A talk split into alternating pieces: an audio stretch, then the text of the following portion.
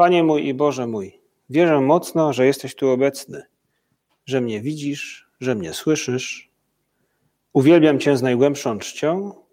Proszę Cię o przebaczenie moich grzechów i o łaskę owocnego przeżycia tego czasu modlitwy.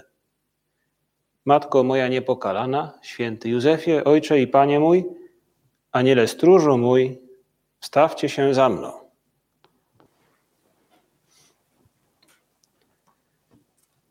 Zwróciliśmy się do Pana Jezusa, który nas widzi i który nas słyszy. My, Panie Jezu, mamy to szczęście, że możemy być blisko Ciebie, blisko Przenajświętszego Sakramentu, że możemy razem z Tobą dzisiaj świętować tę Twoją uroczystość i uroczystość Twojej Matki. To, co wydarzyło się w Nazarecie dwa tysiące lat temu, dotyczy nas i pomaga nam też przeżyć lepiej ten czas, który właśnie teraz przeżywamy. I my, którzy jesteśmy tutaj blisko Pana Jezusa w naszej kaplicy, łączymy się z tymi wszystkimi, którzy nam towarzyszą, z naszymi przyjaciółmi, przyjaciółmi filtrowej, którzy być może śledzą nas, właśnie śledzą to wszystko, co dzieje się w naszej kaplicy przez, przez internet w czasie tej transmisji. My teraz czujemy się jakby ich wysłannikami i mówimy Panu Jezusowi w naszym sercu: Panie Jezu, oto właśnie tutaj przed Tobą wszystkie ich pragnienia, wszystkie ich prośby, wszystko to, na czym im zależy. I właśnie dlatego staramy się razem z nimi dzisiaj, razem z tymi wszystkimi naszymi przyjaciółmi, rozmawiać z Tobą. I prosimy Cię, daj nam jakieś natchnienie, jakiś pomysł na to, by lepiej przeżyć te dni. Niech ta tajemnica Twojego wcielenia, którą dziś obchodzimy, będzie dla nas takim znakiem nadziei, znakiem kreatywności, znakiem, który popchnie nas, by, byśmy dobrze wykorzystali ten czas, byśmy docenili tę rzeczywistość, którą mamy. I może nam w tym pomóc ten wielki znak, jakim jest to, że Bóg stał się człowiekiem. Jak bardzo Bóg dba o każdego z nas. Każdego z nas z osobna, skoro posłał swojego syna dla nas. To jest prawda, którą podziwiamy w Wielkim Poście, na każdym kroku praktycznie w liturgii.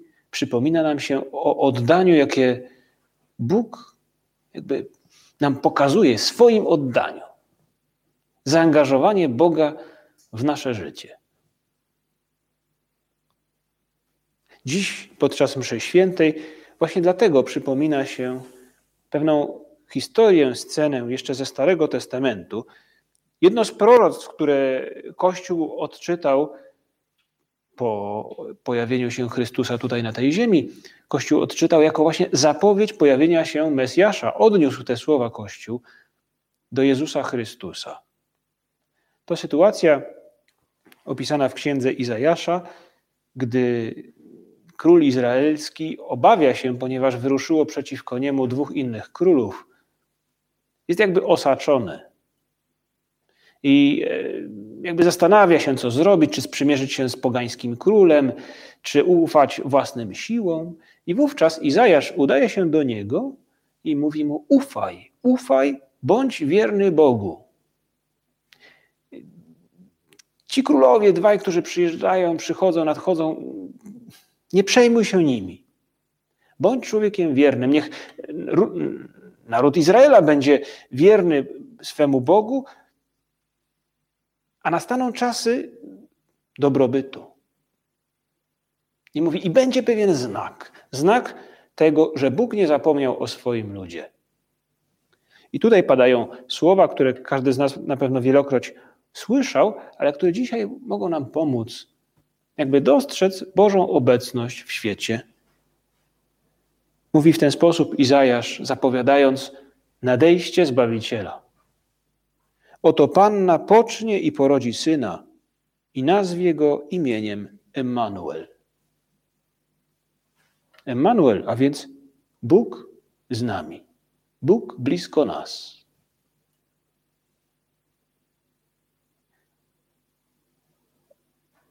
Ale Panie Jezu, przecież to jest to właśnie, co dzisiaj świętujemy.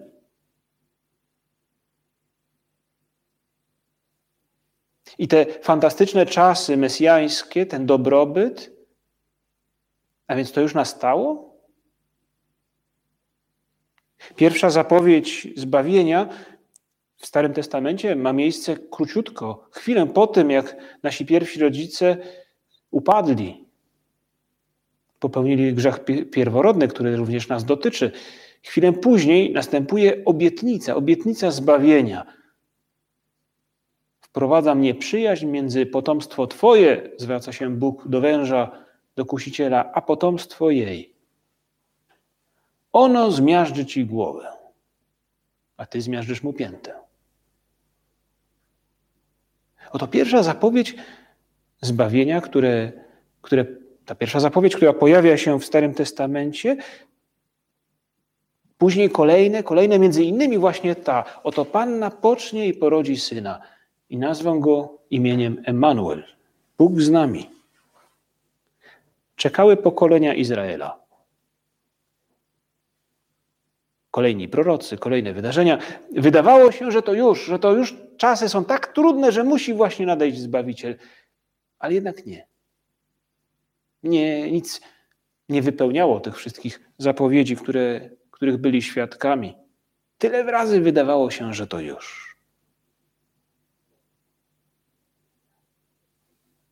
A to my dzisiaj stajemy przed chwilą, momentem, w którym to wszystko ma szansę się zrealizować.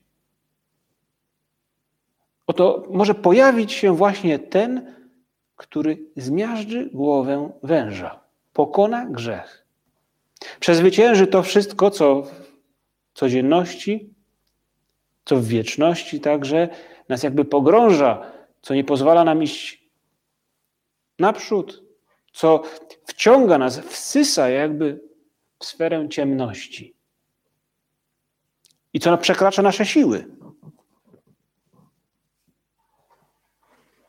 Caravaggio namalował taki obraz, obraz Madonny z dzieciątkiem, z małym Panem Jezusem.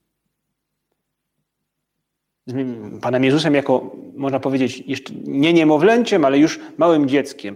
I Maryja jest jakby ukazana jak matka, która stara się jakby nauczyć dziecko chodzić. Może tak, może ten Pan Jezus jest już trochę podrośnięty, fakt jest, że jakby Maryja jakby go trzyma jakby tak za ramiona, jakby uczyła go chodzić. I co więcej, ukazane jest w dole obrazu, jak Maryja uczy, jakby uczyła małego Pana Jezusa swoją stopą zdepnąć głowę obrzydliwego węża, który kłębi się na podłodze. I ukazana jest na tym obrazie Maryja z nogą, która właśnie miażdży głowę węża, a na tej nodze, właśnie jak małe dziecko, swoją stopę stawia mały Pan Jezus. Tak jakby Maryja uczyła go tego robić, jakby tego, uczyła go to czynić, jakby Maryja wskazywała, to jest właśnie On.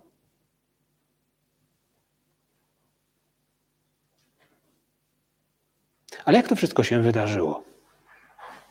Spójrzmy do Ewangelii świętego Łukasza, tego, który to wszystko nam opisał. Jak do tego doszło w Nazarecie? W jakiej sytuacji to wszystko, na co czekały pokolenia Izraela i co nas dzisiaj dotyczy, jak to się wydarzyło, jak to się potoczyło? Co tam się stało? posłał Bóg anioła Gabriela do miasta w Galilei zwanego Nazaret, do dziewicy poślubionej mężowi imieniem Józef z rodu Dawida, a dziewicy było na imię Maryja. Anioł wszedł do niej i rzekł: Bądź pozdrowiona, pełna łaski. Pan z tobą. Bóg posyła anioła. Bóg pojawia się w życiu powiedzmy sobie szczerze, codziennym, zwykłej dziewczyny z Nazaretu. Małej zapadłej mieściny, gdzieś na prowincji w Izraelu. Bóg, ten Bóg właśnie, który obiecuje, oto Panna pocznie i porodzi syna, ten Bóg, który obiecuje, że nadejdzie zbawienie, potomstwo tej pierwszej kobiety zmiażdży głowę węża. Ten, który mówił przez proroków, ten, który przeprowadził naród wybrany przez Morze Czerwone. Oto moc, którą ukazał. Ten, który dokonał wielu innych cudów, pojawia się w życiu tej zwykłej dziewczyny. Tak opisał to, wyobraził sobie święty Josemaria w rozważaniu do pierwszej tajemnicy radosnej różańca. Mówi tak, i każdy z nas może sobie to teraz właśnie wyobrazić. I to może nam pomóc uzmysłowić sobie w tych okolicznościach, w jakich się znajdujemy właśnie teraz, trudnych, że Bóg jest blisko nas, że Bóg w codzienności się pojawia. Co więcej, On już się pojawił. On już tam jest. Panie Jezu, to nam daje powód do tego, by Ci ufać, by cieszyć się Twoją obecnością, by z Tobą rozmawiać, niezależnie od tego, jakby, jak trudna mogłaby się, jak trudna mogłaby być sytuacja, w której się znajdujemy. Nie zapominaj, mój przyjacielu, mówi święty Josemaria, że jesteśmy dziećmi. Maryja, pani o słodkim imieniu, jest pogrążona w modlitwie. Możesz w tym domu być kim zechcesz przyjacielem, sługą, gapiem, sąsiadem. Ja natomiast nie ośmielę się być kimkolwiek z nich. Po prostu ukryję się za tobą i pełen podziwu będę obserwował, co się dzieje.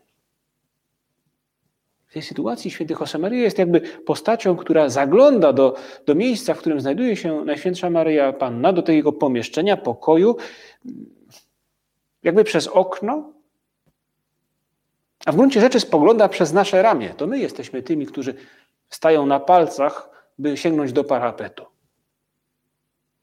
I patrzy z nami i mówi: A oto Archanioł przychodzi i przynosi posłanie Jakże się to stanie, skoro nie znam męża? Tak pyta Maryja. Ale później odpowiada: Niech mi się stanie według Twego słowa. Niczym w odpowiedzi na to zawołanie dziewicy, słowo staje się ciałem. Bóg pojawia się w codziennym życiu tej dziewczyny. Zechciał tam się pojawić. i jednocześnie czeka na odpowiedź. Teraz albo nigdy. Teraz albo nigdy. Daje do zrozumienia Maryi, ona zna dobrze te wszystkie zapowiedzi, przepowiednie, proroctwa. Ona, jak każdy z Izraelu, oczekiwała Zbawiciela, Mesjasza. I anioł mówi jej: Teraz, teraz jest ten moment. Zobacz, w tych zwykłych okolicznościach Bóg może wkroczyć niby tsunami w codzienność, w Twoje życie ludzkie i wszystkich innych ludzi. Teraz jakby Ziemia i horyzont mogą się spotkać, niebo i Ziemia mogą się spotkać. Mówił święty Josemaria, wydaje, że się spotykają na horyzoncie niebo i Ziemia. Ale naprawdę, tak naprawdę one spotykają się, mają szansę spotkać się w waszych sercach. Jeśli przeżywasz codzienność, codzienne życie ze świadomością, że Bóg tam jest, ze świadomością dziecka Bożego. I tak jak wtedy przed Maryją Bóg stawia takie wyzwanie, mówi jej teraz albo nigdy. To może się wydarzyć, jeśli ty zechcesz. Tak przed każdym z nas, w tych okolicznościach, jakie mamy, ograniczeń, y, więcej czasu bądź mniej czasu, w zależności gdzie każdy z nas jest i co się z każdym z nas dzieje. Przed nami także Bóg staje i mówi: teraz albo nigdy. Bądź realistą, wejdź do gry. Chcesz przeżyć tę codzienność ze mną? Ja jestem do Twojej dyspozycji. Dobrze nam robi porównać się jakby do Najświętszej Maryi Panny. Tak jak jej, tak i nam Bóg daje pewną szansę. Szansę, by w naszą codzienność szarą bądź nie szarą, jakakolwiek by ona nie była,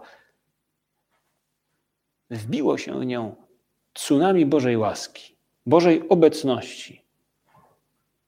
Co nie oznacza, że rzeczy toczą się tak, jakby mi się to podobało. Ale jednak obecność Boża w mojej codzienności pomaga mi zrozumieć, jaki jest Boży plan. Jestem w stanie tę Bożą, tę rzeczywistość, tę. Przeżywać w pokoju, w pokoju dziecka Bożego. O ile będę świadomy tej Bożej obecności, o ile będę się nią cieszył, o, jej, o, o ile tę propozycję Boga zaakceptuję. Jest słynny opis, opis, może nie tyle opis, co komentarz świętego Bernarda do tej sytuacji, który mówi, opisuje zwiastowanie jako taki moment, na który faktycznie czekało tyle pokoleń Izraela, tylu świętych w niebie, tyle, jakby cała, całe stworzenie gromadzi się, jakby patrzyło z góry na tę. My zaglądamy przez okno, ale całe stworzenie w tym opisie świętego Bernarda, patriarchowie, cały Stary Testament jakby zagląda od góry, jakby, jakby nie było dachu nad tym pomieszczeniem, patrzy i drży. Co powie Maryja? Aniołowie drżą nawet. Mówi tak, wyczekuje anioł na odpowiedź, bo trzeba już mu było powrócić do Boga, który go posłał. Oczekujemy i my, o Pani, na słowo zmiłowania, nieszczęśni i przygnieceni wyrokiem potępienia. Oto jest Ci ofiarowana cena naszego zbawienia.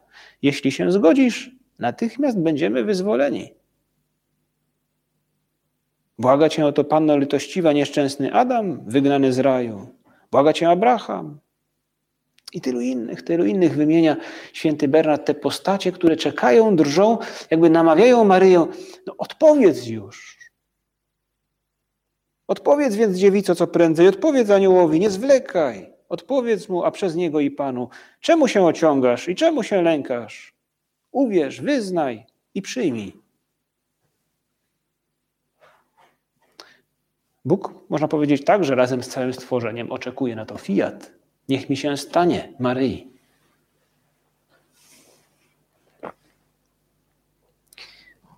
A my dzisiaj zadajemy sobie to pytanie, Panie Jezu, e, taki rachunek sumienia robimy. Jak wyglądała moja odpowiedź na Twoją propozycję? Przeżyj ze mną tę chwilę.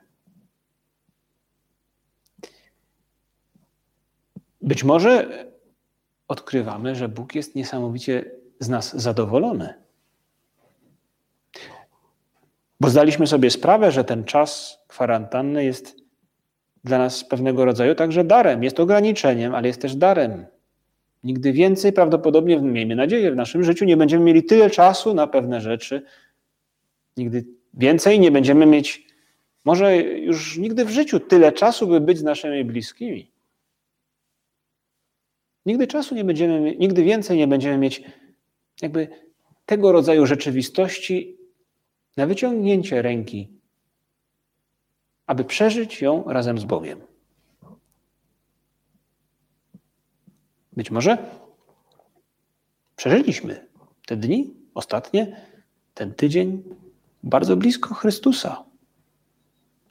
I nie jeden raz podjęliśmy walkę, może nie zawsze ją wygraliśmy, ale podjęliśmy jakąś walkę w tym, na czym Bogu zależy, postępując według jakiegoś planu, który sobie zrobiliśmy, żeby nie marnować czasu. Starając się może modlić mniej lub bardziej intensywnie, albo może postępować wobec kogoś z rodziny czy przyjaciół tak, a nie inaczej. Ze świadomością, że Bóg mnie do tego wzywa w tej codzienności, jaką mam. Oby, Panie Jezu, takie było nasze postępowanie w kolejnych dniach tego Wielkiego Postu, tej kwarantanny, tego przygotowania do Wielkiej Nocy. Wiemy, Panie Jezu, Panie Boże, że Ty czekasz na nasze fiat, na nasze niech mi się stanie. Boże tsunami w codzienności. Wydaje się to czasami bardzo odległe od, od tego, co czynimy, co, co, co przeżywamy. Jak to jest, że Bóg może być blisko mnie w tych wszystkich obawach? I może dobrze, żebyśmy sobie różne obawy uzmysłowili, strachy. Papież Franciszek nas zachęca do tego, by wobec planu, do jakiego Bóg nas wzywa, można powiedzieć, to dotyczy naszego jakby powołania wielkiego, życiowego, ale także takich codziennych planów, które Bóg ma wobec nas, takiego wezwania codziennego do życia w pewien konsekwentny sposób. Papież mówi, zachęca nas do tego, byśmy określili może to, co nas ogranicza, to, co nas powstrzymuje od tego, by w te plany z Bogiem wejść. Jakie są strachy? I mówi papież Franciszek, wiesz, gdy tak się zastanowisz nad różnego rodzaju strachami, obawami, które możesz mieć w tej dłuższej, życiowej perspektywie, bądź w tej codziennej, okazuje się często, że są to takie strachy na lachy. No nie nazywa ich tak papież Franciszek, ale mówi, no takie, takie jakby upiory ulotne. Wystarczy dmuchnąć i się rozwiewają one istnieją, one nam tłamszą serce, jakby, tak, jakby nam oddech zabierały, to prawda. Ale one nie są częścią rzeczywistości, nie są realne. A przynajmniej nie tak realne, jak obecność Boga w tym życiu, w tej rzeczywistości. Nietrwałe upiory pierzchają wobec Boga, który nas umacnia. I to, ta uroczystość, którą dziś obchodzimy, jest właśnie takim umocnieniem nas. Ona pokazuje nam, jak głęboko Bóg interweniuje, wchodzi w rzeczywistość, jak głęboko dotyka naszego życia. Żaden upiór, żaden strach, żadna obawa nie jest w stanie wejść tak głęboko i tak mocno nas przekonać. Bo tylko Bóg wzywa po imieniu, tak jak wzywa, zwraca się do Maryi. Nie bój się, Maryjo. Żaden upiór tego nie uczyni. Upiór jest bezosobowy. Upiór szaleje. Jest taka właśnie zjawa zmora, która gdzieś się pojawia. Wiatr rozwiewa ją i miota. Upiory są anonimowe. Panie Jezu, pomóż nam wobec tej teraźniejszości, tej codzienności, którą mamy, zareagować jak Twoja matka. Powiedzieć: Niech mi się stanie. Tak, chcę ją przeżyć razem z Tobą. Wierzę, Boże, że dasz mi łaskę, bym przeżył to dobrze. Bym oddał Ci chwałę. Bym sprawił, że ta rzeczywistość odbijać będzie Twoją chwałę. Ta rzeczywistość, a więc czas, który mam, a więc relacje, które mam, aby stały się bardziej Boże. Bóg czeka na nasze fiat, na nasze niech mi się stanie. Cały świat czeka, cały Kościół czeka. Nie na darmo papież Franciszek wzywa nas do tego, byśmy no, modlili się za tylu naszych braci i tyle naszych sióstr na całym świecie, którzy także tak jak my są w kwarantannie, bądź chorzy, bądź umierający, bądź cierpią. Od miłości, którą będziemy w stanie wprowadzić w ten świat, w tę rzeczywistość, zależy dobro, którego oni doświadczą, zbawienie, którego oni doświadczą.